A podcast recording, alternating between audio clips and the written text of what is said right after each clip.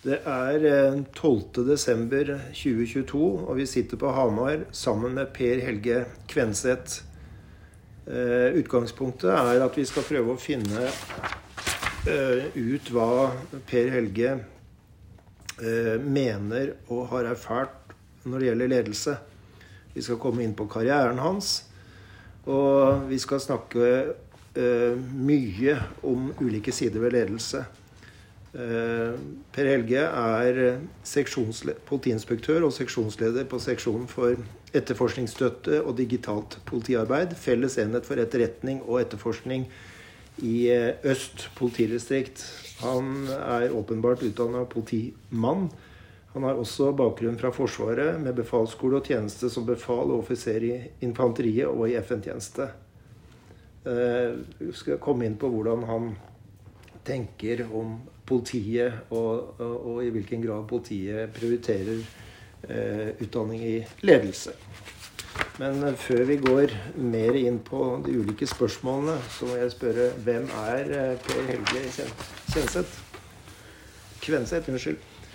Eh, takk. Eh, jeg er eh, 51 år, jeg er gift, har tre barn i aldersspennet 17 til 4 år. Jeg er oppvokst i Klæbu, som etter hvert har blitt en del av eh, Trondheim kommune. Og etter hvert, eh, etter oppveksten, så ble det befalsskole for infanteriet i Trøndelag og noen få år som befal i Nord-Norge. Og et lite år på NTH i Trondheim.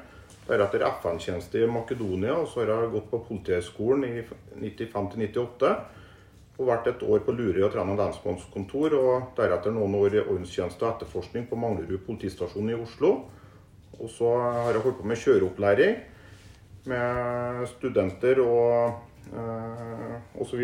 på justissektorens kurs- og øvingssenter i, Stavern et par år. Og så har jeg havna i Østfold og bodd der siden eh, 2006. Og da jobba først i Moss politistasjon, og etter hvert har jeg da jobba med ledelse av sentralisert etterforskning i Østfold politidistrikt og etter hvert Øst politidistrikt. Spennende. Jeg har eh, derav også tatt av mye videreutdanning innenfor både etterforskning og organisasjon og ledelse. Spennende. Eh, har du tid til noen hobbyer eller fritidsaktiviteter? Ja, ikke så all verden, men eh, jeg liker å nyte friluftsliv og hytteliv den tida jeg har eh, eh, sammen med og familien. Ja. Og ikke minst eh, følge opp ungene med fritidsaktiviteter og eh, ja, involvere meg i det.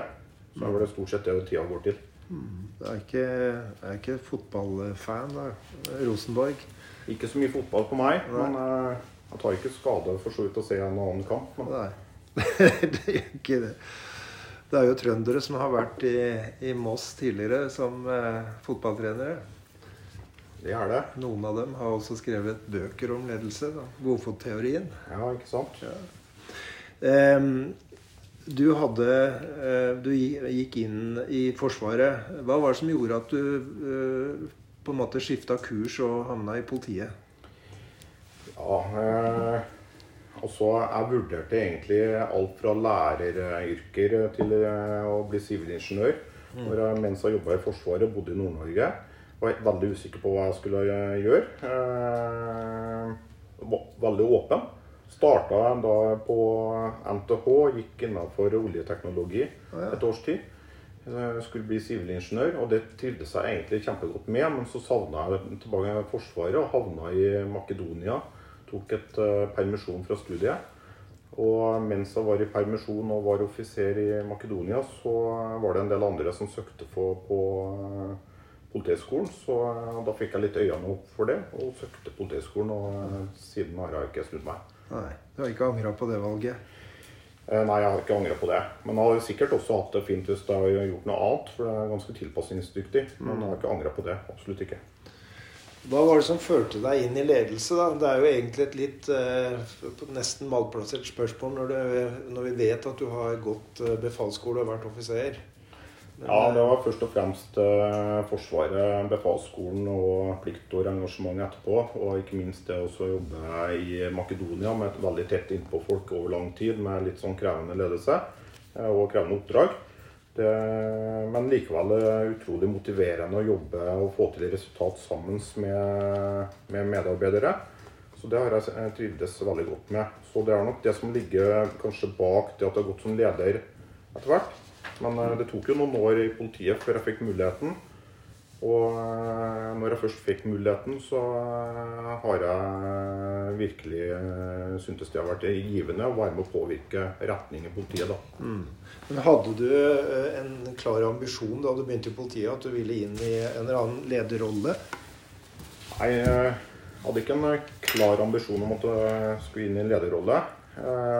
Men samtidig så hadde jeg fått gode tilbakemeldinger på mitt lederskap i Forsvaret gjennom eh, både kompaniledelse, bataljonledelse osv. Og, så mm. og eh, min tidligere leder i, eh, i politiet, en, bl.a. Tom Erik Uttusrød mm. og Tommy Brøske, mm. som har vært mine ledere der, de har betydd mye for meg inn i når jeg har tatt mine valg da, med å bli leder og være leder. Mm, så de har gitt deg en liten dytt? Eller medvind? En liten dytt ja. Eh, inn, og, og, og vært foregangsfigurer for meg også. Mm. Eh, jeg kjenner til at du har tatt en master i, i organisasjon og ledelse. Hvorfor eh, ville du ha en sånn formell utdanning? Jeg søkte lederutdanning i politiet flere år, men jeg kom ikke gjennom nåløyet i forbindelse med opptak til studiet. For det er jo et nåløye å komme inn Eh, på. Det er veldig mange som søker. Og eh, ikke så mange plasser som totalt sett i forhold til alle som søker. Men min tidligere leder, Tom Erik Guttusrød, som eh, han tok masterstudiet på Høgskolen i Østfold sjøl. Innen organisasjon og ledelse. Og han var med og motiverte meg for å Dette er noe du kan klare. Dette er noe du kan, bør og kan få til. Mm. Og det gjorde at jeg begynte å kikke på ulike muligheter på masterstudiet. Eh, både på Innlandet og i Oslo og eh, i Østfold, og havna da eh, i Østfold. Mm. Og trivdes veldig godt med det studiet som jeg tok der. Sett i kontekst med å være politileder, hva, hva, hva har det gitt deg i, i konkret utbytte å ha en sånn faglig ryggsekk? Ja, og så Jeg tenker at det viktigste utbyttet er noe kunnskap om eh, Spesielt det med kunnskap om samfunnsforskning. Mm. Så skal skal dra det litt ned, egentlig. Det med å, å, skjønne seg på hva samfunnsforskning egentlig er, og hvordan det gjøres, og hva det betyr. Mm. Men også det med økt kunnskap om hvordan organisasjoner fungerer, perspektiver på god og ikke minst dårlig ledelse. Mm. Og eh, aller mest kanskje interessen.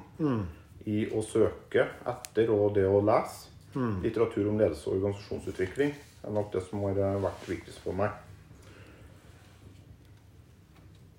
Mm. Har det gitt deg mer å spille på som leder? Eh, flere perspektiver, flere hva skal vi si, eh, formelle og personlige verktøy som leder? Det vil jeg absolutt si. Eh, jeg er veldig glad i å prøve å reflektere over teorien i min praksis, men også eh, når jeg prøver å analysere det rundt meg. Så jeg bruker teori når jeg sjøl eller noen av mine ledere under meg står står oppi ting, for å reflektere over de utfordringene og de mulige løsningene som man står i, mm. i lys av hva teori og forskning viser, sånn at vi iallfall ikke bare tenke på praksis, praksis, praksis, men mm. at man fundam lager fundament i det. Mm. Så har jeg vært mentor i noen år også i uh, nasjonalt og regionalt mentoringprogram uh, i politiet. Mm. Og der har det vært synes jeg, helt avgjørende å bruke det aktivt for å Når jeg coacher mm. de adeptene jeg har hatt. Ja. Det er jo åpenbart at det gir både kunnskap og et, eh, et større handlingsrepertoar som, som, leder. Åpenbart. Eh, ledere har, eh, som vi alle vet, veldig mange oppgaver og stort ansvar. Hvordan balanserer du jobb og fritid? Ja, Jobb er en viktig del av meg. Altså, jeg bruker veldig mye tid på jobb, også på fritida. vil jeg si, Uten at noen nødvendigvis har sagt at jeg må, må, gjøre det. Men det er fordi at jobb blir litt eh, også rett og slett en del av meg på, og hobbyen min. Og eh, jeg bruker en del tid for å oppdatere meg og heve min egen kompetanse, spesielt på fritida. Eh, Det er for å eh, få en sånn god selvfølelse med hensyn til at dette er noe jeg takler, og dette er noe jeg interesserer meg og har lyst til å finne ut mer av. Men jeg kobler også av med familie og ungenes aktiviteter aller best når jeg kommer opp på hytta som er langt inne i skogen oppe i Singsås i Trøndelag. Der er det lite internett, og der er det der er det iallfall fri å få, få når jeg kommer opp dit. Eh, Før vi satte i gang eh, eh, opptaket her, så snakka vi om teori, og du dro fram en bok som, som du leser akkurat nå. Altså, det er en myte kanskje at politifolk ikke leser bøker. Hva, hva leser du? Hva ligger på nattbordet ditt nå? Ja, akkurat nå så eh, er jeg i ferd med å kikke i en bok som jeg har eh, for så vidt lest i før, men eh, jeg tenkte å ta den litt opp. Det er en moderne klassiker. 'Sorti eller protest' Jaha. med Albert eh, O. Hirschman. Som er en, eh, handler om, eh, om eh, det å gjøre en exit eller det å protestere. Når du står i dilemma som medarbeider eller som leder. Og og det, selv om det er en gammel bok, så er det jo den konteksten er jo gjeldende i høyeste grad også i dag, i dagens samfunn. Når du leser eh, sånne tekster og sånne bøker som du holder fram her, er, kobler du da veldig lett til, eh, til politiet og din egen yrkessituasjon? Ja, Det er umulig å ikke gjøre det. Jeg gjør noe annet, eh, eh, for å si det sånn. For når man har vært leder i mange år, så får du også et repertoar på en måte med, med opplevelser og eh, erfaringer som, du, eh, som man tenker litt på. Og som man enten sjøl har opplevd, eller som man har observert. Så det er klart at eh, det å legge kontekst til det inn i den, eh, det som jeg har opplevd og det jeg har observert, det gjør jeg åpenbart, ja. Kriminalromaner eller biografier? Lite av det. Ja. Mye faglitteratur og eh, mye litt på sosiale medier også. Men mye, også der er det mye eh, om ledelse og organisasjonsutvikling, egentlig.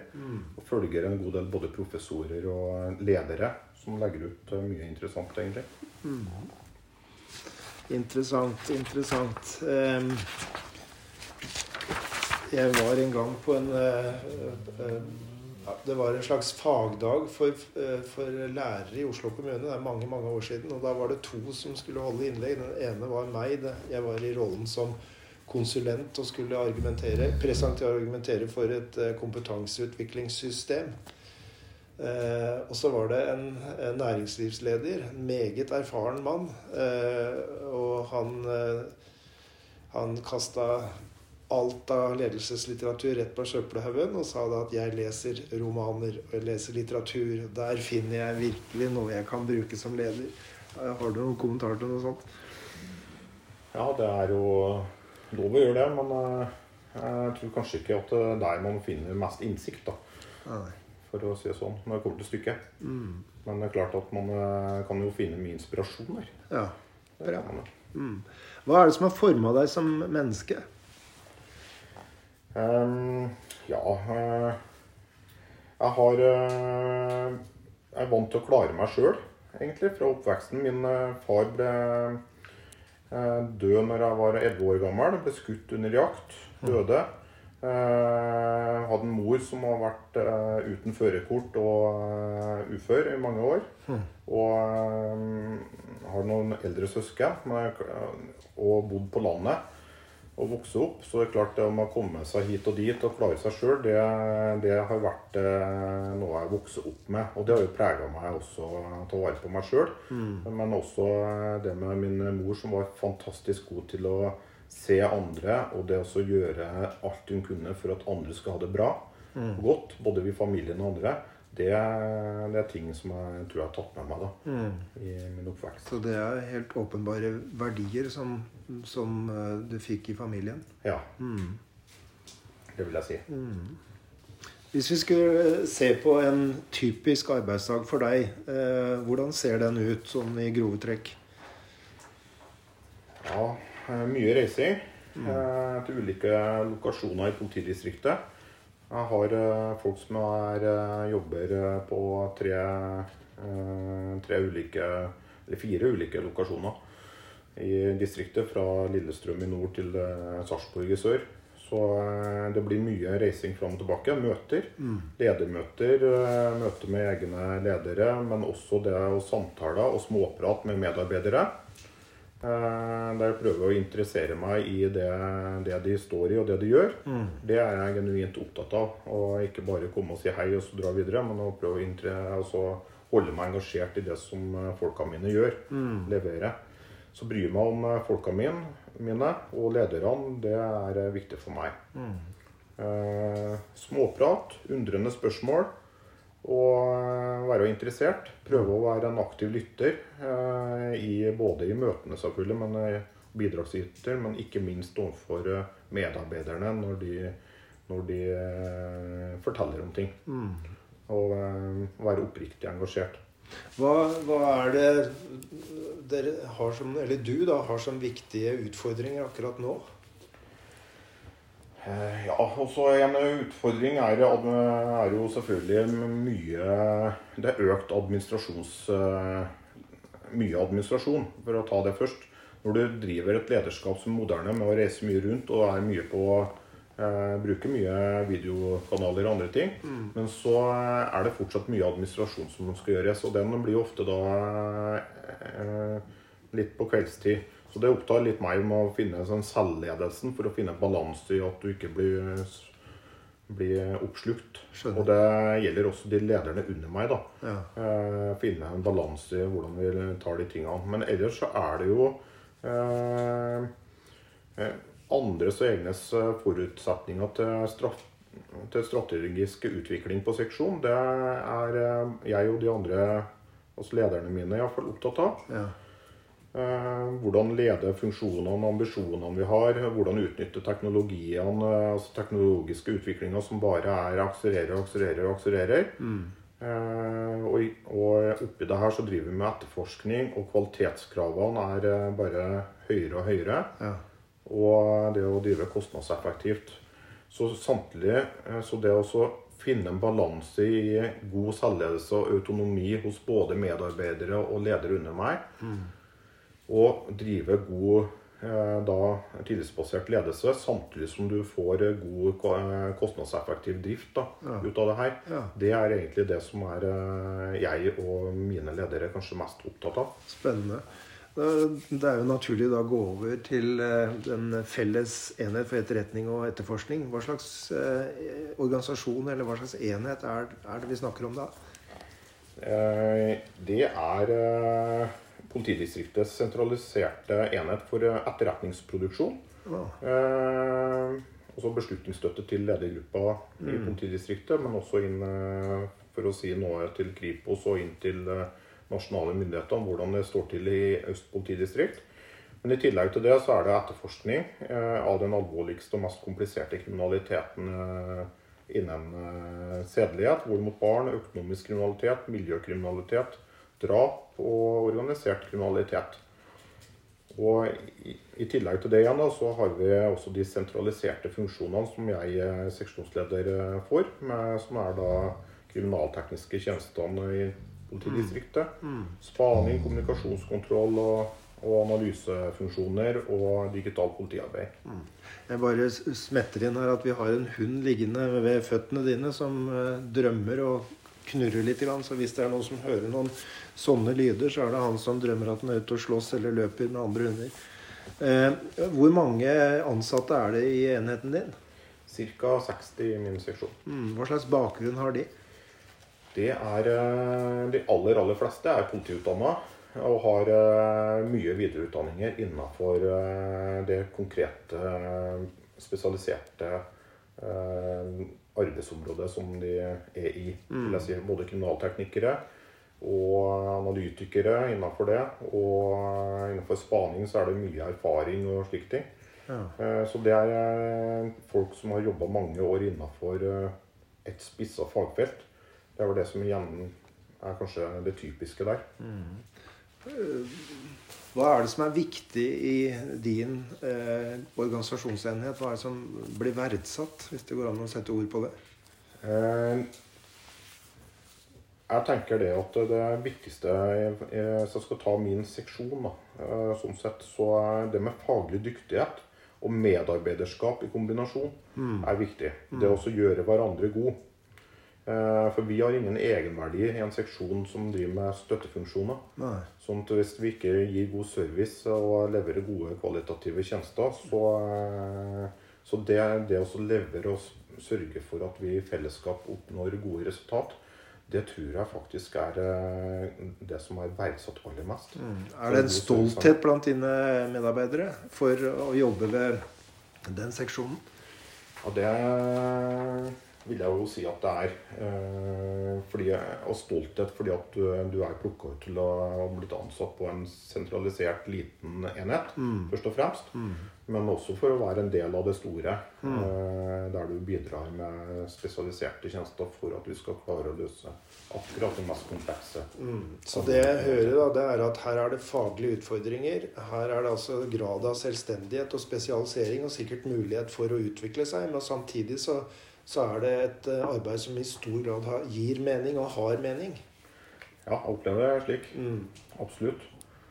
Eh, samtidig så har det blitt mer og mer sentralisering og mer og mer sånn at du blir jo veldig god i det du holder på med. Så det å holde på helheten og det å så skjønne helheten i det man holder på med, det er jo bare viktigere og viktigere, da.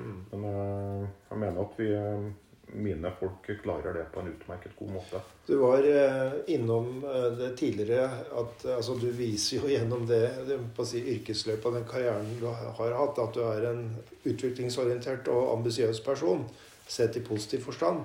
Men du har også, gjennom det du fortalte tidligere, vært inne på at dere ledergruppa di snakker om hvordan dere skal eh, tenke strategisk og handle strategisk og videreutvikle avdelingen. Hva er det dere prioriterer, hva er det dere ønsker å få til framover? Eh, vi ønsker også å henge med i den teknologiske utviklinga. Det er viktig. Når vi er en sånn eh, spydspiss i eh, politidistriktet, så har vi selvfølgelig særorgan og andre over oss, men vi kan ikke overlate all eh, innovasjon og etter life. Så det er viktig. Ja. Å være med i det innovative eh, med hensyn til at vi ser framover og bruker eh, ny teknologi for å få bedre kvalitet og bedre kostnadseffektiv drift. Det tenker jeg er kanskje det aller viktigste for oss. Ja. At vi er nysgjerrige på de mulighetene og også de begrensningene som teknologien eh, gir oss. Så er det det altså vi altså klarer å levere stadig høyere kvalitet i etterforskninga også i et fremtidsperspektiv. Det henger sammen med teknologien, men ikke bare det. Det handler om arbeidsmetodikk med hensyn til at vi ikke eh, At vi mm, tenker på hva betyr et DNA-spor i 2022 versus eh, om ti år. Sånn at vi eh, behandler ting riktig, og at det er også eh, med en tanke på at eh, dette er ting som er viktig for framtida, kanskje, i behandling av eh, saker. i Etterpåkontroll. Ellers er det at vi må tilpasse kompetanse og organisering til de stadig endra omgivelsene. Og det innebærer at vi må påregne stadige forbedringer og endringer, selvfølgelig, men også at eh, en del medarbeidere må presses til å ta videreutdanninger og henge med. Hvis du skulle se for deg eh, din seksjon om fem, seks, sju år, hvordan eh, ville den se ut da, sånn som du eh, ser det i dag? Jeg tenker at det blir eh, mer behov for spesialister innenfor eh, enda mer behov innenfor sikring og analyse og det å tolke og eh, bruke elektroniske eh, spor. Fordi at utviklinga er så enorm. Så selv om vi blir bedre og bedre på grunnplanet til å håndtere ting, så blir det enda mer og mer behov for spesialister innenfor det. Datateknologien gjør at det er bare helt nødvendig. Mens det big data og håndtering av eh, veldig mange mye data og informasjon. Så Det tror jeg kanskje er den største endringen. Og eh, så, så er det det spenningsfeltet mellom hva det spesialistene skal gjøre, og hva det som skal gjøres med litt mer ned, eh, skal klare å håndtere. Og det å beherske det, sånn at man får Vi er avhengig av spesialister, men det hjelper ikke med spesialister hvis ikke grunnstammen henger med godt nok. Så det spenningsfeltet der er kanskje noe av det aller viktigste. At vi som seksjon og avdeling skal være med og bidra til å eh, få til sammen med Ser du for deg at, eh, at eh, seksjonen vil ha eh, flere ansatte, et større faglig ansvar?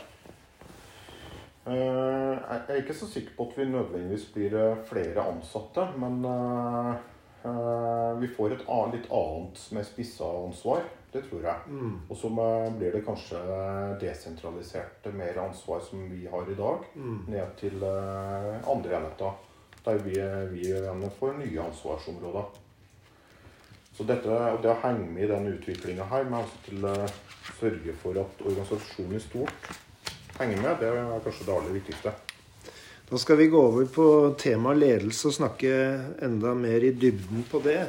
Eh, og da eh, Altså, ledelse er jo et ord eller et begrep som har et veldig, veldig bredt innhold. Det går an å snakke om personlige egenskaper, stil, atferd. Eh, men hvis vi ser på kjernen i ledelse, så handler vel det om oppgaver og medarbeidere og ledelse. Og altså det skjer noe i, i spenningen mellom, eh, i, eh, mellom de tre størrelsene der.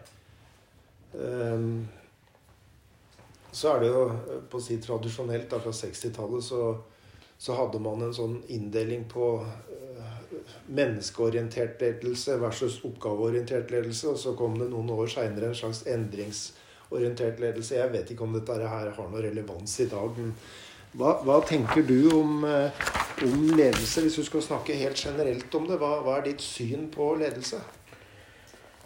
Altså, eh, ledelse det, det ledes jo mot et mål i en virksomhet. Det, Mm. det må være noe mål. Og, eh, og så er det jo produksjon selve kjeden, selve kje- eh, kjernen i det som eh, skal leveres. Så det, det, jo, det har vært kjernen, og det er kjernen, og kommer til å bli kjernen i framtida også. Så er det bare hvordan man gjør det. På hvilken måte. Eh, så er det jo samtidig slik at det blir mer og mer teknologi, men det er fortsatt mennesker som styrer teknologien. Og det er mennesker som, eh, som danner disse virksomhetene og arbeidsprosessene.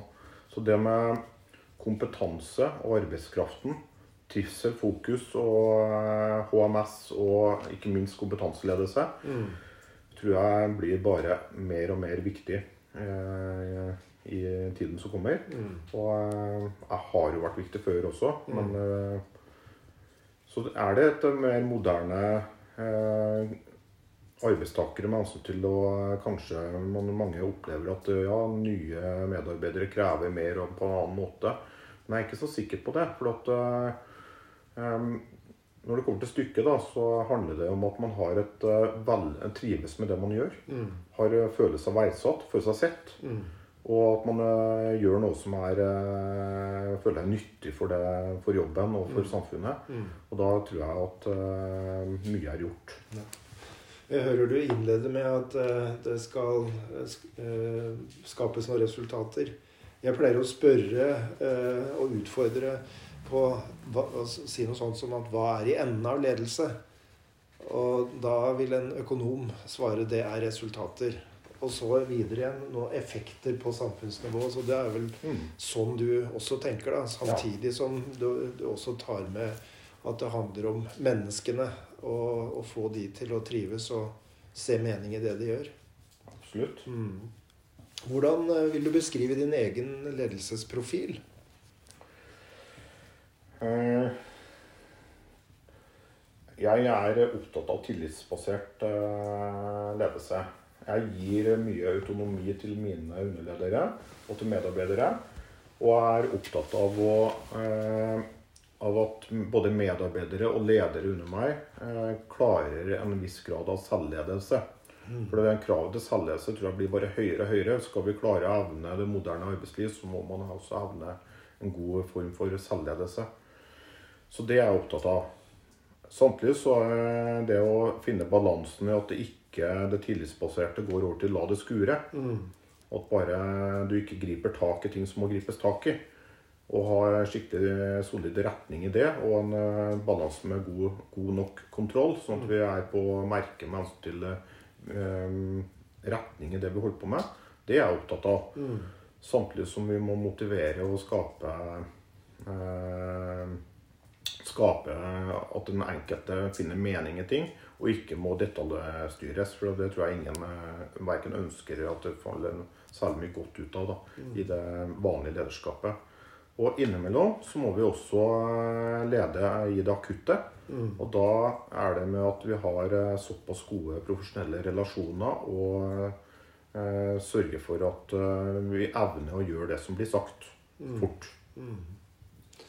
Det, er, eh, det går an å lage et skille mellom det å lede mennesker og lede virksomheter. Altså det er jo åpenbart at du har begge de rollene i ditt lederskap, gitt at du er seksjonsleder. Eh, eh, Men, men du er jo også eh, orientert mot menneskene. Hvordan balanserer du eh, virksomhetsledelse kontra menneskeledelse?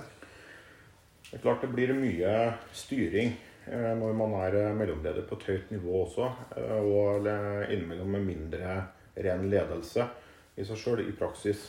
Så da er det noe med å utnytte i hvert fall den tiden godt man har. Så når jeg reiser rundt, så er jeg i hvert fall opptatt av å se mennesker og møte og gi retning. retning. Eh, engasjere meg i ting. Mens eh, heller når jeg sitter på arenaer der jeg likevel er alene, kan drive med mer den styrings- og virksomhetsbiten. sammen- Og i tillegg til selvfølgelig ledergrupper. da. En balanse i det er jo en eh, kunst i seg sjøl, men eh, det er klart man har jo mange bindinger i eh, både møtestrukturer og andre ting. Så tenker jeg at det er i hvert fall viktig at man evner å bruke den tida man har til rådighet, til å drive mest mulig ledelse og se folk og se ledere under. Og uh, bruke de flatene vi har med videoløsninger, besøk, telefoner. Altså bruke og engasjere seg og ikke være tilgjengelig i den grad. Det er jeg opptatt av. Men uh, om man eh, makter det i praksis, det gjør man jo Vil man jo kanskje ikke føle at man gjør som leder. Ja, så er det jo sånn at uh, altså lederskap har jo en Kall det ja, Det kommer an på hvordan vi ser det, men, men hvis vi sier at, at det er en relasjon da, mellom lederen og medarbeiderne, så er jo åpenbart sånn at forventningene til ledere og deres lederskap er forskjellige, gitt eh, at menneskene som er i medarbeiderroller, også er forskjellige. Så, altså, så det er jo ganske krevende å kunne finne den riktige, riktige miksen. Ja, det er veldig krevende. Og i tillegg så er det en forventning til oss med mellomledere, og det har jeg forventning til mine førstelinjeledere også med en viss grad, med at man, er, man eh, analyserer den situasjonen og, den, eh, og det som og de omgivelsene og organisasjonen man leder. da. Mm. Sånn at man eh, ser til og har noen tanker om har vi riktig kompetanse i dag, har vi riktig kompetanse for i morgen. Og er vi eh, organisert hensiktsmessig for akkurat det. Og det tenker jeg at både nedenifra og ovenfra til. Samtidig som vi skal bry oss om folka og drive ledelse. Så den utviklingen av organisasjonen og den her, den er jo et eh, Det er viktig begge deler. Du ivaretar egentlig alle de tre klassiske hensynene med menneskeorientering, eh, virksomhet eller oppgaveorientering og endringsorientering. Det syns jeg er ganske spennende. Hvordan, eh, hvordan ser effektivt og godt lederskap ut for deg? Eh, Først og fremst så må vi få løst oppdraget på den tid og, de, og med de ressursene som vi har til rådighet. Mm. For å si det sånn. Og inni det her så er det en ting som er eh, kanskje viktigere enn noe annet, og det er egna god prioritering. Evne å prioritere på det viktigste og det som haster mest. Og det forventer jeg av meg sjøl at jeg gjør, og det forventer jeg av ledere neden, også under meg, og det forventer jeg også av medarbeidere. Og det med også da eh, sørge for at man har handlingsrom og myndighet til å ta de valgene, også nedover, eh, og stå i de, og ha støtte i de, det er viktig. Det er viktig for meg å, eh, å både ta valgene sjøl, men også evne at andre tar valgene nedenfor. Eh, For det å det å effektivt lederskap i seg sjøl, det, eh, det er ikke bare å følge på en måte vente til du får et styringssignal eller en ordre ovenfra. Du må evne å ta de gode beslutningene langt ned i organisasjonen og være autonom i så henseende. Men Betyr det at du er opptatt av å delegere eh, og gi ansvar så langt eh, på å si ut i førstelinja som mulig? Absolutt. Ja. Hva, Først og fremst det. Ja. Du eh, Altså, da gir du myndighet og, og ansvar til uh, mennesker uh, som du har som dine medarbeidere og medledere eller underledere. Eh, Men samtidig så eh, følger du opp og har en viss kontroll med at eh, ja, ressursbruken og prioriteringen blir riktig, og at det er en retning. Er det så riktig forstått? Ja, og ha en viss kontroll gjennom eh, ledermøter og andre, der man prater om status, hva man har gjort og osv. Ja. gjerne uten at jeg kontrollerer, men at jeg forteller om ting de gjør sjøl. Men i tillegg så er jeg jo litt opptatt av etikken i ting. Og det er jo litt med kontrollen i seg sjøl. Men jeg er opptatt av at eh, vi er samme samfunnets sivile maktapparat, og vi må regne med at andre følger nøye med på det vi gjør. Og derfor så skulle det bare mangle om ikke etikken i det, i det, det vi holder på med, eh, det verdibaserte, eh, det, det må eh, tåle dagens lys til enhver tid. Og de diskusjonene der eh, prøver jeg å dra med inn i, i de eh, diskusjonene jeg har med både medarbeidere og med, med, med ledere under meg. For jeg tenker det er kanskje der man eh, når- den er på plass, og du føler du har myndighet og handlingsrom, så er det mye du får gjort sjøl, og man kan håndtere og ta beslutninger osv. Og, så videre, og lede seg sjøl. Men du må ha den eh, ballasten, du må ha den grunn, grunnfjellet, på en måte, med deg. Eh, Jeg syns det er interessant at du påpeker det at politiet er det sivile maktapparatet, og at du kobler det til eh, lederrollen og til utøvelse av lederskap. Kan du utdype det litt mer? Altså, Hvilken betydning har det for, eh, for politiledere, vil du si, at vi som organisasjon eh, er det sivile maktapparatet? Eh, vi er, altså det, er mange som ikke reflekterer over det, for at du er så vant til å holde på med disse arbeidsoppgavene du gjør hele tida. Men vi, vi leter inni beslaglagte sensitive ting, personsensitive beslag. Vi jobber inni det mest eh, sensitive med både kriminalteknikk, med sporsikring og med ikke minst på databeslag og med kommunikasjonskontroll, og vi spaner på folk. Sånn at eh, Hvis man ikke reflekterer på en måte at vi følger både regel, reglene vi har, men også at det er eh, oppå det igjen Er dette her etisk ok, det vi holder på med nå? og har en god debatt. Er dette innafor? Er dette noe eh, vi bør ta opp og diskutere over? For at vi står i disse dilemmaene og har et rom der vi kan diskutere det. Det tror jeg er eh, viktig for alle medarbeidere og ledere. Og, det, men, og ikke minst pga. at du står i det hele tida. At det blir så hverdagslig. Ja.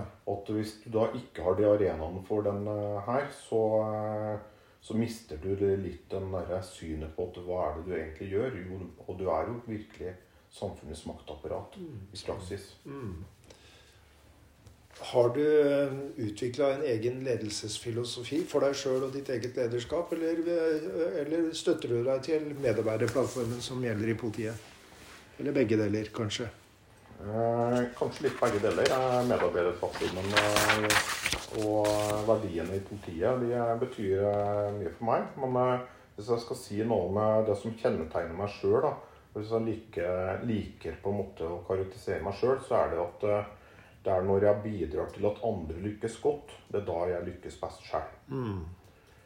Og eh, det er litt for inspirasjon fra eh, en geografisk enhetsleder i Enhet øst i Oslo politidistrikt, eh, Jon Roger Lund. Han er virkelig opptatt av det med å, prøve å spille andre god og bli glad for andres suksess. Mm. Og det setter jeg sjøl også veldig stor pris på. Og det er ikke nødvendigvis at mine ledere under meg, eller medarbeidere, men også ledere på sideveis eller over, eller eh, medarbeidere. Det er også eh, den opplevelsen av å være med og bidra til at noen av disse lykkes veldig godt. Det er en utrolig god følelse. Og det driver meg som leder.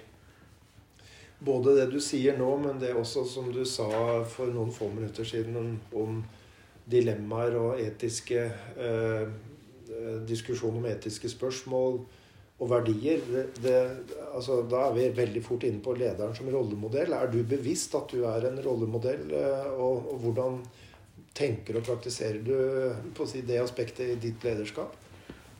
Ja, jeg er, er veldig bevisst det. Eh, og er klar over det. Eh, og jeg er opptatt av å være meg sjøl på en, god måte. da i møte med både lederkollegaer og medarbeidere og, det, de og publikum. Mm. Um, og det å gå foran uh, er viktig for meg. Mm. Også det å vise meg eksempelets makt.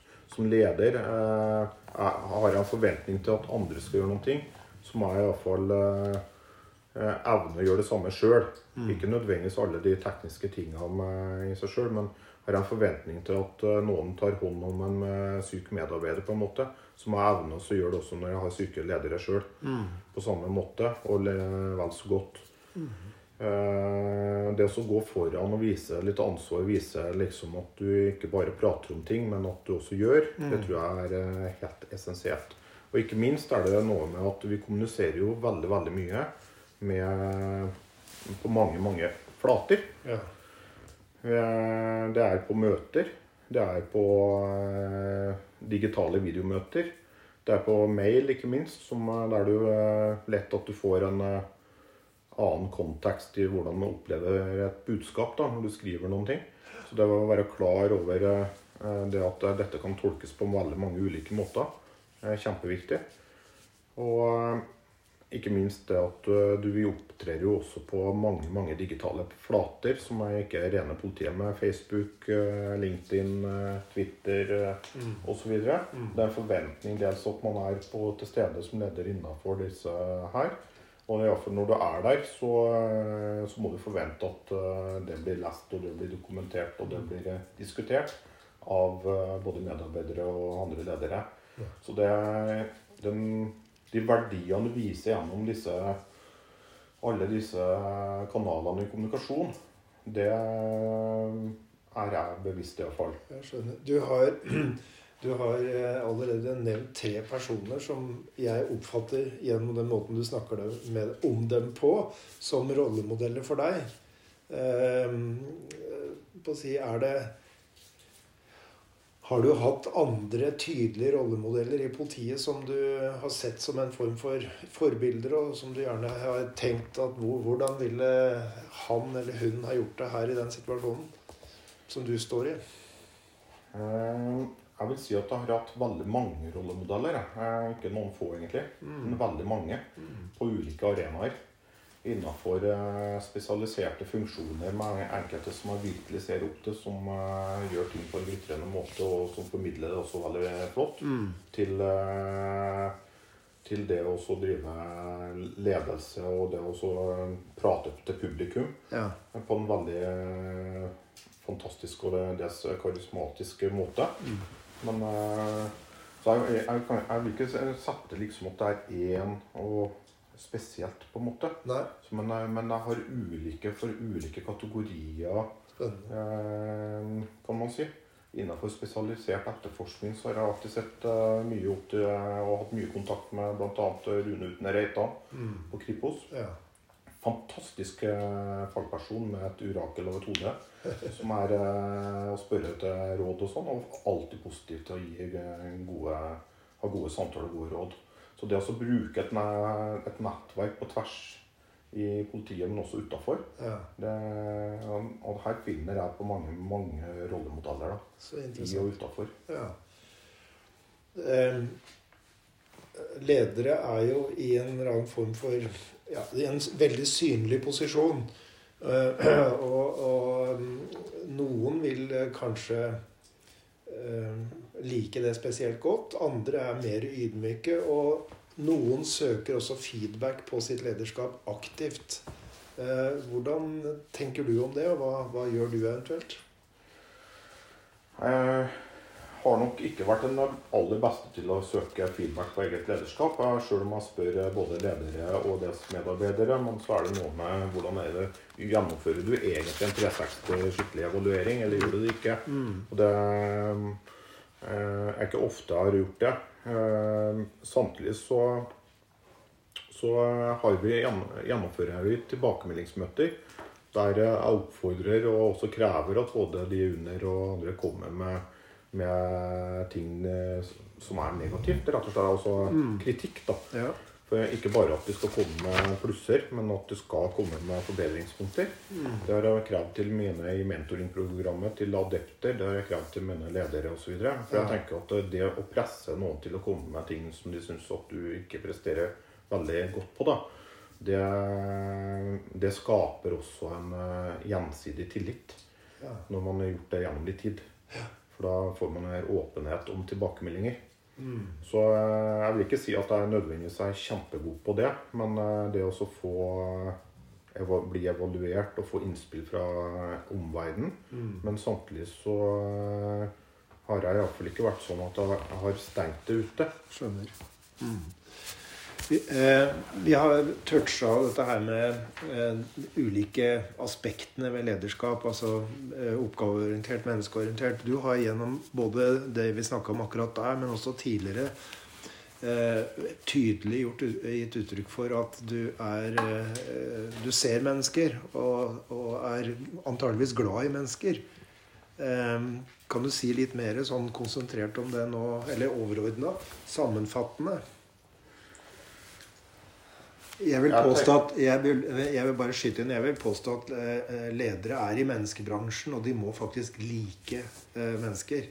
Ja, det er jeg helt enig i. Eh, Og hvis man ikke liker mennesker, være i relasjon med mennesker, så, så bør man kanskje finne til å gå med. Nei, jeg vet ikke om jeg har noe godt svar på det, Rune. Det er helt åpenbart at det med å være engasjert i mennesker, da, og ville at ikke bare like mennesker, men like at mennesker skal lykkes, andre enn deg sjøl, det er liksom litt sånn hovedbudskapet. Ja. For det er- først eh, der, og gjerne at man lykkes eh, som både i, i team og i, i organisasjonen i stort. da. Han, eh, professor Bir- Birkinshaw, en engelsk eh, professor i ledelse, han eh, sier at det er tre grunnleggende prinsipper for god ledelse. og Det er å gi anerkjennelse, se medarbeidernes prestasjoner og legge til rette for utvikling av arbeidet deres. Og du har, syns jeg, vært inne på det gjennom samtalen flere ganger, at det er ting du prioriterer. Ja. Men du, du, åpenbart så er de grunnprinsippene her noe du identifiserer deg med. Ja, det, det vil jeg jo absolutt si at jeg gjør. Eh, Og jeg håper jo egentlig at de fleste legen, eh, ledere gjør det, da. For dette er jo litt sånn essensen i det Ja. eh, å drive ledelse, egentlig. Med både anerkjennelse og det å se prestasjoner og, og, og da lytte. Og legge til rette for at man skal lykkes.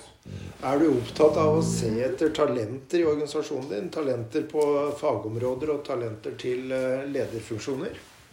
Ja, det er jeg iallfall opptatt av å finne talenter til ledelse. Og så prøve å identifisere noen. Og da spesielt kanskje identifisere jenter. Det har vært litt sånn spesielt opptatt av nå de siste åra. Vi har for få jenter spesielt i, innafor en del ledelsesområder som, som tar den rollen. Har kanskje for få jenter i, i domenene i seg sjøl også. Men eh, det er klart at eh, skal man eh, motivere noen til å komme opp, så må man føle støtte litt, gjennom litt tid. Ja. Og det å komme liksom dagen før en søknadsfrist går ut og si at det funker dårlig. Ja. Så derfor så identifisere og prøve å backe noen opp eh, sånn at de blir nysgjerrig på og kanskje ønsker å eh, søke lederstilling, det Ja. syns jeg er eh, veldig spennende. Ja. Så, og det, dermed har jeg meldt meg også som frivillig, kan du si, og ønsker om å være med i mentoringprogrammet til politiet. For at der får du virkelig den muligheten da, Ja. å jobbe med en adept som, eh, som er eh, litt på søken. Ja. Som eh, kanskje ikke helt vet om man skal søke en lederstilling, eller, eh, eller om man skal gjøre. Men at du får drevet med mye refleksjon rundt det å være leder, og sånn at man blir mer eh, eh, Litt mer forberedt på hvordan når man går inn i rollen, da, og kanskje velger å søke eller ikke søker. Og vet litt mer om hva det går i. Så eh, der har jeg vært så heldig å ha hatt et par jenter. Og de har, eh, er begge to i lederstilling nå. Så bra. Det er en balansegang også mellom eh, drift og utvikling i eh, enhver organisasjon. Hvordan tenker du om det i din seksjon? Ja, drift er eh, er jo Vi er jo til for å produsere. Så er det jo fort at man kanskje ikke tenker på denne ledelsen. Men mye ledelse er jo også skjult, tenker jeg, i, eh, når man driver med, med med ledelse og ting fungerer og drift, så er det ikke nødvendigvis at du skal stå opp og så kikke på og se til at alt går bra. Du, du er tilretteleggeren, og du er der hvis noe ikke går bra. Eller at Nei, det er sånn at eh, dette går litt hånd i hanske. Så tenker jeg Det er jo der eh, der man ikke hører noen ting, så kan man eh, kanskje at det ofte går veldig bra, men også der man innimellom eh, virkelig må ta seg i nakken og være med oss og kikke litt på. Går det egentlig virkelig bra? Trenger du støtte og backup? For det er der det skrikes, på en måte, der er man, retter man jo den automatisk oppmerksomheten. Men eh, i den driftsbiten da, så eh, tenker jeg at eh, der er det iallfall viktig at man har eh, gir god autonomi, og at man er tett nok på, sånn at man eh, ser på hva som leveres, og gir støtte. Og eh, viser litt korreksjon da, der man må gjøre det. Handlingsrom er et begrep som eh, vi kjenner til både i politiet, men også i enhver organisasjon. Og, og i teorien så, så, så kobles handlingsrom til lederskap eh, ikke sjelden. Hva tenker du om handlingsrom som politileder? Jeg tenker at eh, handlingsrom er eh, veldig, veldig ulikt i politiet. Fordi at det er ulikt hvordan du opplever handlingsrommet, først og fremst. Men ja, det er veldig mange mål. Sjukt mange mål innimellom som oppleves av. Og mye rapportering. Noe har blitt mindre gjennom en del år også, og det har jo vært verre. Eh, Men vi er politisk styrt, og det kommer vi til å være i framtida også. Det håper jeg jo. Det er, eh, og det er klart at det å stå i et sånn krysspress med masse overordna mål og føringer, og det med å eh, Og mange oppgaver du skal håndtere, så er det mange som opplever at du har veldig begrensa handlingsrom. Med annet sett og vis så er det jo det at når eh, du er eh, litt bindet på armer og bein sånn sett på en del føringer, så er det kanskje også handlingsrommet ganske stort. For da må du virkelig prioritere hardt. Og når du må prioritere hardt, så, så handler det jo om å bruke virkelig det handlingsrommet du har. Ja. Og der er man litt opp, ulik i hva eh, man Altså det formelle handlingsrommet er kanskje likt. Men eh, altså rammene er like. Ja. Men det subjektive handlingsrommet er veldig ulikt. Eh, og der er det mange som opplever ikke å ha handlingsrom, mens andre opplever at her er det mange gode muligheter. Så jeg vil jo si det at det er mange gode muligheter hos de fleste, eh, både førstelinjeledere, mellomledere og ellers. Ja. Men uh, spørsmålet er om du føler du har støtte nok til å bruke det fullt ut. At du har myndighet til å bruke ja. handlingsrommet til å drive litt innovasjon og Men er du enig i at det går an å gjøre visse si, tiltak eller grep for å utvide handlingsrommet sitt? Ja, det er jeg enig i. Ja. Og de signalene bør nok komme i et hierarki som politiet. da, Så må man iallfall være god på toppen. Mm. Men altså til å gi gode signaler med at det er forventninger ned. At, myn- altså at uh, ting løses ned i linja, Mm. som vi sier i politiet. Og at den uh, førstelinjeledelsen og osv. løser mest mulig av utfordringer som dukker opp, og bruker sitt handlingsrom. Mm. Men da må også ha følelsen av at du har myndighet til det Ja. og støtte. Ja. Så det å jobbe med den myndigheten og støtten er kanskje det som er eh, litt nøkkelen. Jeg har lyst til å komme inn på temaet ledelse og makt. Det hører jo sammen. Eh, eh, professor Robert Sutton han har skrevet en bok som heter 'Good Boss og Bad Boss'. Og han sier at ledere kan bli forgifta av makt. De kan bli selvgode, selvsentrerte, overvurdere egen kompetanse og dømmekraft. De kan miste ydmykhet. De kan overse eller nedvurdere medarbeiderne sine. Og de kan bli immune eh, i forhold til både kritikk og innspill. Eh, og blinde for egne svakheter. Og, og i enden av dette her så ser vi da dårlig, ineffektivt og kanskje også helsefarlig ledelse. Hva, hva tenker du om en, en sånn eh, innledning eller eh, tema ledelse og makt? Eh, jeg tenker det er veldig, mye riktig i den analysen der. Det er mange andre som har skrevet om det med ledelse og makt også, med mm. både Linda Lai og med eh, eh, Sjøvold. Sjøvold ja. Og eh, det er klart, makt er er noe man kan bli eh, Som kan føre til mange negative konsekvenser. Mm. Det at maktutøvelsen blir eh, den skulle si går til hodet på deg, ja. som vi kan fort si. Og, og i, da, i, Danmark så sier de at ledere kan bli maktfullkomne. Og det er jo ja. sagt på en annen måte akkurat det samme som du sier. Og det jeg er ute etter, er er ledere nok bevisste på at, at rollen de har, kan innebære sånne eh, skumle konsekvenser. Det tror jeg, kan, tror jeg ikke vi er. Mm. Uh, jeg vil si ikke for jeg er en av de. Uh, samtidig så tror jeg at det har blitt mer fokus på uh, utvikling av ledergrupper. Mm. Og det med at man ikke skal stå alene om beslutninger. Men spørsmålet er likevel i ledergrupper og i i de fora man har, om det er psykologisk trygghet nok mm. til å komme med de utfordre makta mm.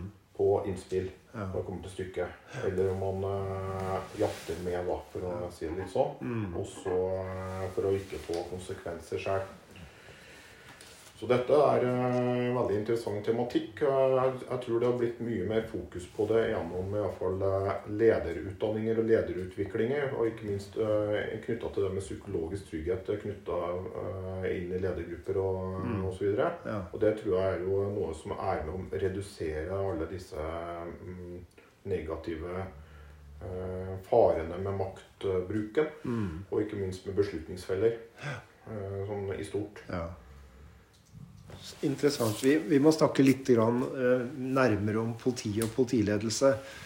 Og jeg har prøvd meg på en definisjon av, uh, av det, av politiledelse. Og jeg oppfatter politilederskap da, som en målorientert kollektiv prosess. Og en relasjon og en praksis der ledelse skjer i et sosialt samspill mellom ledere, medarbeidere, omgivelsene for øvrig og den aktuelle kulturen i politiet. Hva tenker du om slik definisjon? Er, gir det noe mening å, å tenke sånn som jeg har forsøkt å sammenfatte her? Den gir mening. Eh, absolutt. Eh, jeg syns det er veldig vanskelig selv med det å tenke ut en uh, definisjon på politiledelse. Som er et sånn ledelse i en kompleks tilværelse. Så, men Nei, den gir mening for meg. En ting som kanskje Hvis jeg skal savne noe, så er det det å se litt på eh, omgivelsene i tillegg. Ja. Vi leder, jo, vi leder, jo, i en kontekst med endrede omgivelser i en samfunns... Eh, der samfunnet og politikken rundt oss påvirker oss i stor grad. Jeg skjønner. Jeg skjønner. Altså Jeg har en del påstander som jeg vil fremme overfor deg og høre hvordan du tenker og reflekterer rundt dem. Jeg tar sats og er ganske freidig på den første. Altså Min påstand er at det er begrensa modenhet når det gjelder ledelse i politiet. Eh, etaten og medarbeiderne i politiet er først og fremst opptatt av det faglige elementene av politiprofesjonen og juristprofesjonen, og ikke eh, lederskap som sådan. Hva tenker du om en sånn påstand? Det er mulig det er noe i det. Eh, og det har det nok vært, og det er det nok fortsatt. Likevel så opplever jeg at det har blitt mer og mer fokus på politiets overordna eh, prioriteringer. da. Eh, ikke bare hos strategisk ledelse, men også hos mellomledere og førstelinjeledere. Mm. I større grad enn det jeg kanskje opplevd for 10-15 år siden. Mm. Så noe har skjedd. Og det er kanskje også litt gjennom at vi har hatt reform, og det har vært mye styringssignalene har vært eh, noe som har opptatt også folk nedover i organisasjonen mm. i større grad kanskje enn før. Mm. Så det, disse målsetningene overordna, de tror jeg er litt mer viktig blant de førstelinjelederne og mellomlederne enn det var før. Og samfunnsoppdraget stort. sånn sett, Hvordan vi sammen skal løse ting.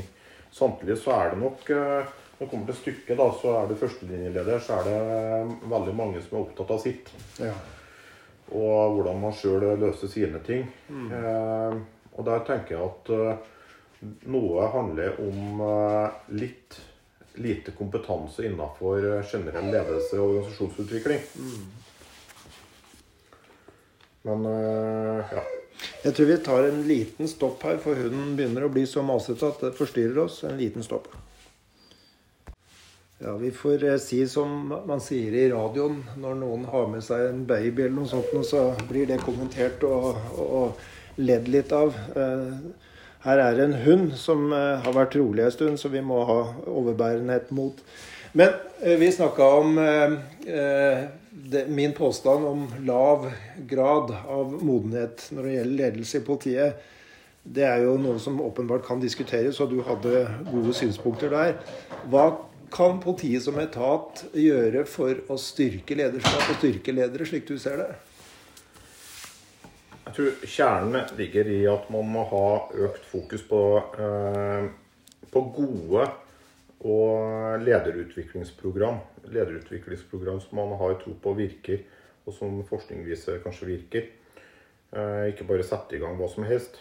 Men eh, en ting jeg har tro på, det er eh, at man eh, kanskje bør eh, identifisere de lederne som har en god ballast på eh, teoretisk og, og praktisk eh, lederskap i egen organisasjon, og bruke de aktivt mye inn som mentorer for andre ledere i politiorganisasjonen i større grad.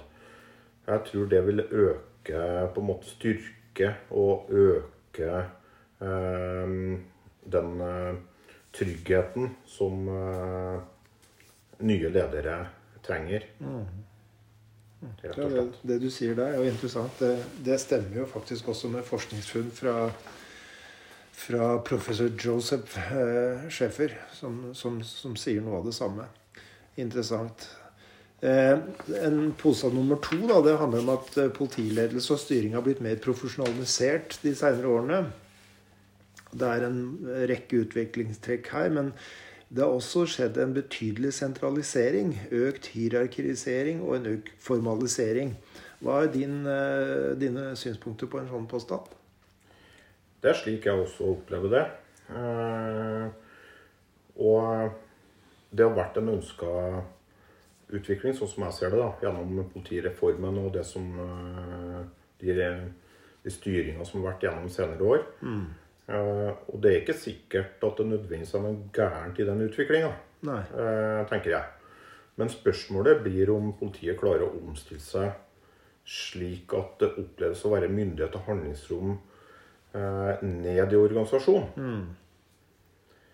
Sånn at eh, forbedring og innovasjon eh, kommer nedenfra og ikke bare fra toppen. For det, når man sier økt hierarkisering, så er det ja, det er jo det. Men det er det jo kanskje også dels i, i store, store konsernene. På et sett og vis. Du har noen konsernledelse på toppen. Det er, stort, det er mange mange ledd før det kommer opp dit. Men det eh, gjør ikke nødvendigvis at eh, du ikke skal, kan lykkes litt langt ned i organisasjonen med både, både oppdraget du har, og ledelse, og det som skal til. Men du må ha handlingsrom, eh, mm. og du må ha myndighet til å gjøre noe med det. Og, øh, og oppleve, både opplevelse av det, og du må være faktisk til stede da. Skjønner. Jeg har en tredje påstand, og den går som så. Politiet trenger et grunnsyn i ledelse. eh, På samme måte som Forsvaret har sitt grunnsyn på ledelse. Hva tenker du om det? Politiet er en svært kompleks organisasjon med veldig mange mål og funksjoner. Eh, Og er usikker på om et slikt eh, grunnsyn er det aller viktigste. Eller om det heller bør fokuseres på å ha lederkompetanse som gjenspeiler samfunnet for øvrig. Eh, Det er en del å hente fra Forsvaret. Spesielt sammenlignet der vi har den operative driften, men ikke nødvendigvis på alt. Så Derfor så tenker jeg at det å, vi må huske på at det gjenspeiler også samfunnet for øvrig, også når det gjelder lederskap, tror jeg det er litt viktig. Akkurat. Jeg har også en påstand nummer fire, og den går som så. Det, det utøves mye godt og effektivt lederskap i norsk politi. Eh, hva mener du karakteriserer eh, gode, effektive politiledere generelt sett? Gode politiledere leverer jo selvfølgelig gode resultater. Det er ikke nødvendigvis bare at man leverer på de tellbare måla, men, men, effekten ut av det man gjør, blir høy. Så tenker jeg at du må ha en god tillit blant både medarbeiderne du har rundt deg, men også i befolkningen ellers. Hvis ikke så lykkes du egentlig ikke. Så både resultatene og tillit eh, Det er iallfall eh, viktige forutsetninger. Mm. Så eh, tenker jeg at det å så evne å lykkes sammen med andre, sammen med andre etater, sammen med andre medarbeidere, og det med å prøve å bidra til at man ikke sjøl er den midtpunktet, men at man løser ting for at det er beste for for samfunnet vi lever i, da, mm. med minst mulig kostnader. At man har det perspektivet på ting. Det, de, de, lykkes veldig godt. De lederne som klarer den balansen, og så ser den eh, effekten, ser den viktigheten. da. Mm. Sånn som jeg ser det. Ja. Eh, hvis vi, hvis, hvis vi, lager oss et, eh, et, fantasibilde av en effektiv og en god politileder, kvinne eller mann, hva, hva er det vedkommende på en måte kunne ta med seg inn i en stilling i en annen del av offentlig sektor eller i privat sektor, hvis du bare på stikkordsplan? Tydelighet. Mm. Tydelighet i, i, budskap og kommunikasjon. Ikke at det skal være Ikke ha en aktiv lytting og sånn, men du må ha tydelig budskap, tydelig kommunikasjon. Det tror jeg er eh, noe som verdsettes når det kommer ut. Og, og evne å ta beslutninger også i en kompleks uh, tilværelse. Mm. Der du har en del støtte for uh, mange ulike syn og mange, mange ting. Ja. Men du må evne å ta beslutninger uh, til tid.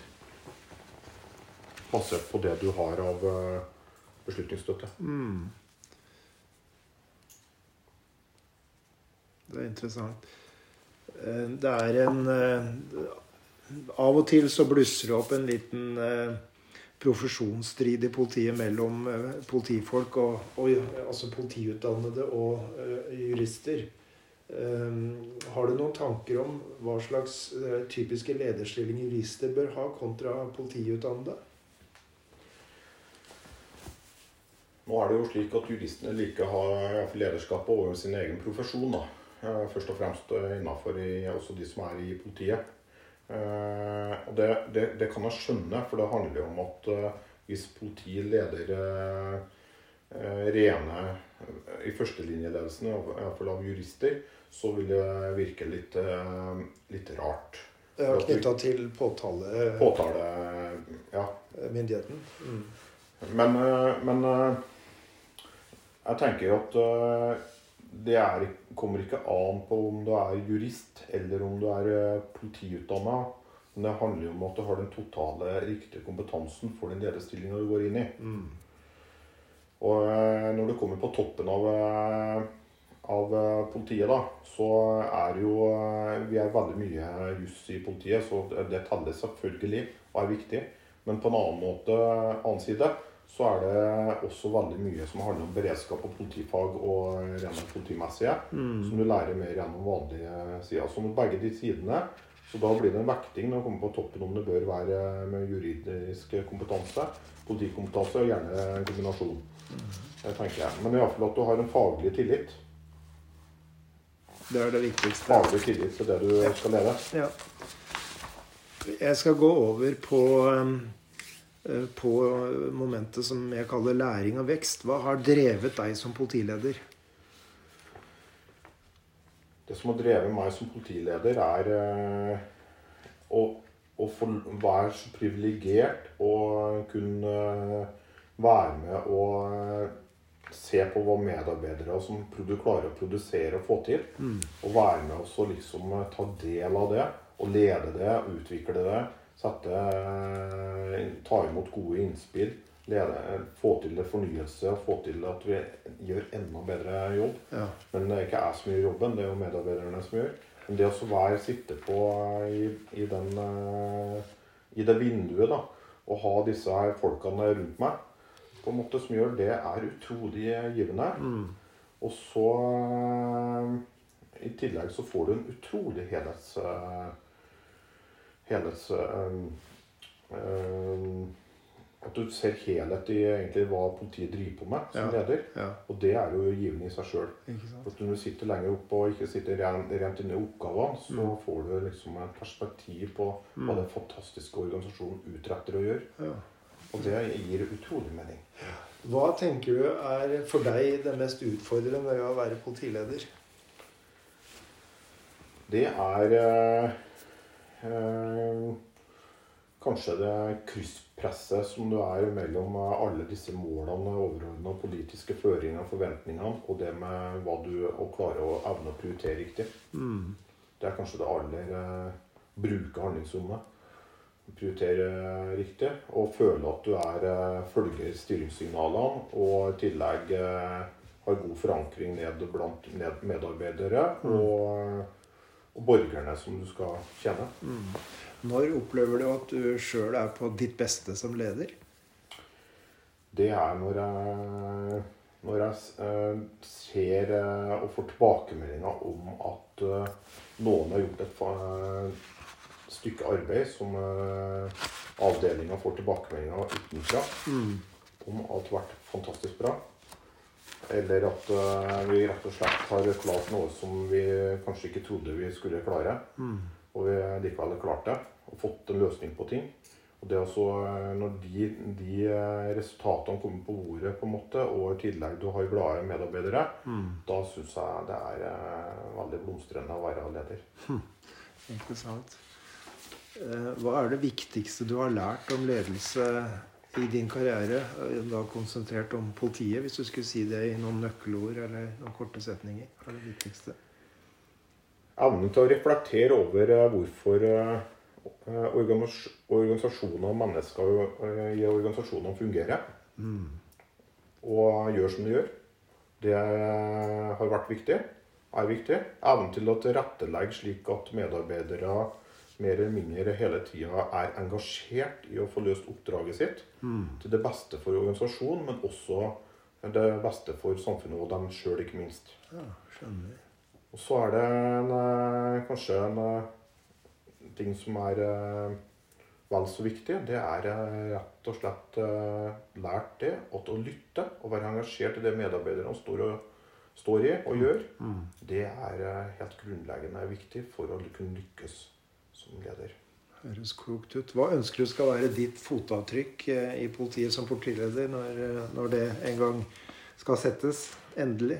Jeg ønsker å bli huska som en engasjert leder, som eh, også er flink til å få andre til å lykkes. Tusen takk, Per Helge Kvenseth. Det var en veldig interessant samtale. Jeg ønsker deg lykke til videre som politileder.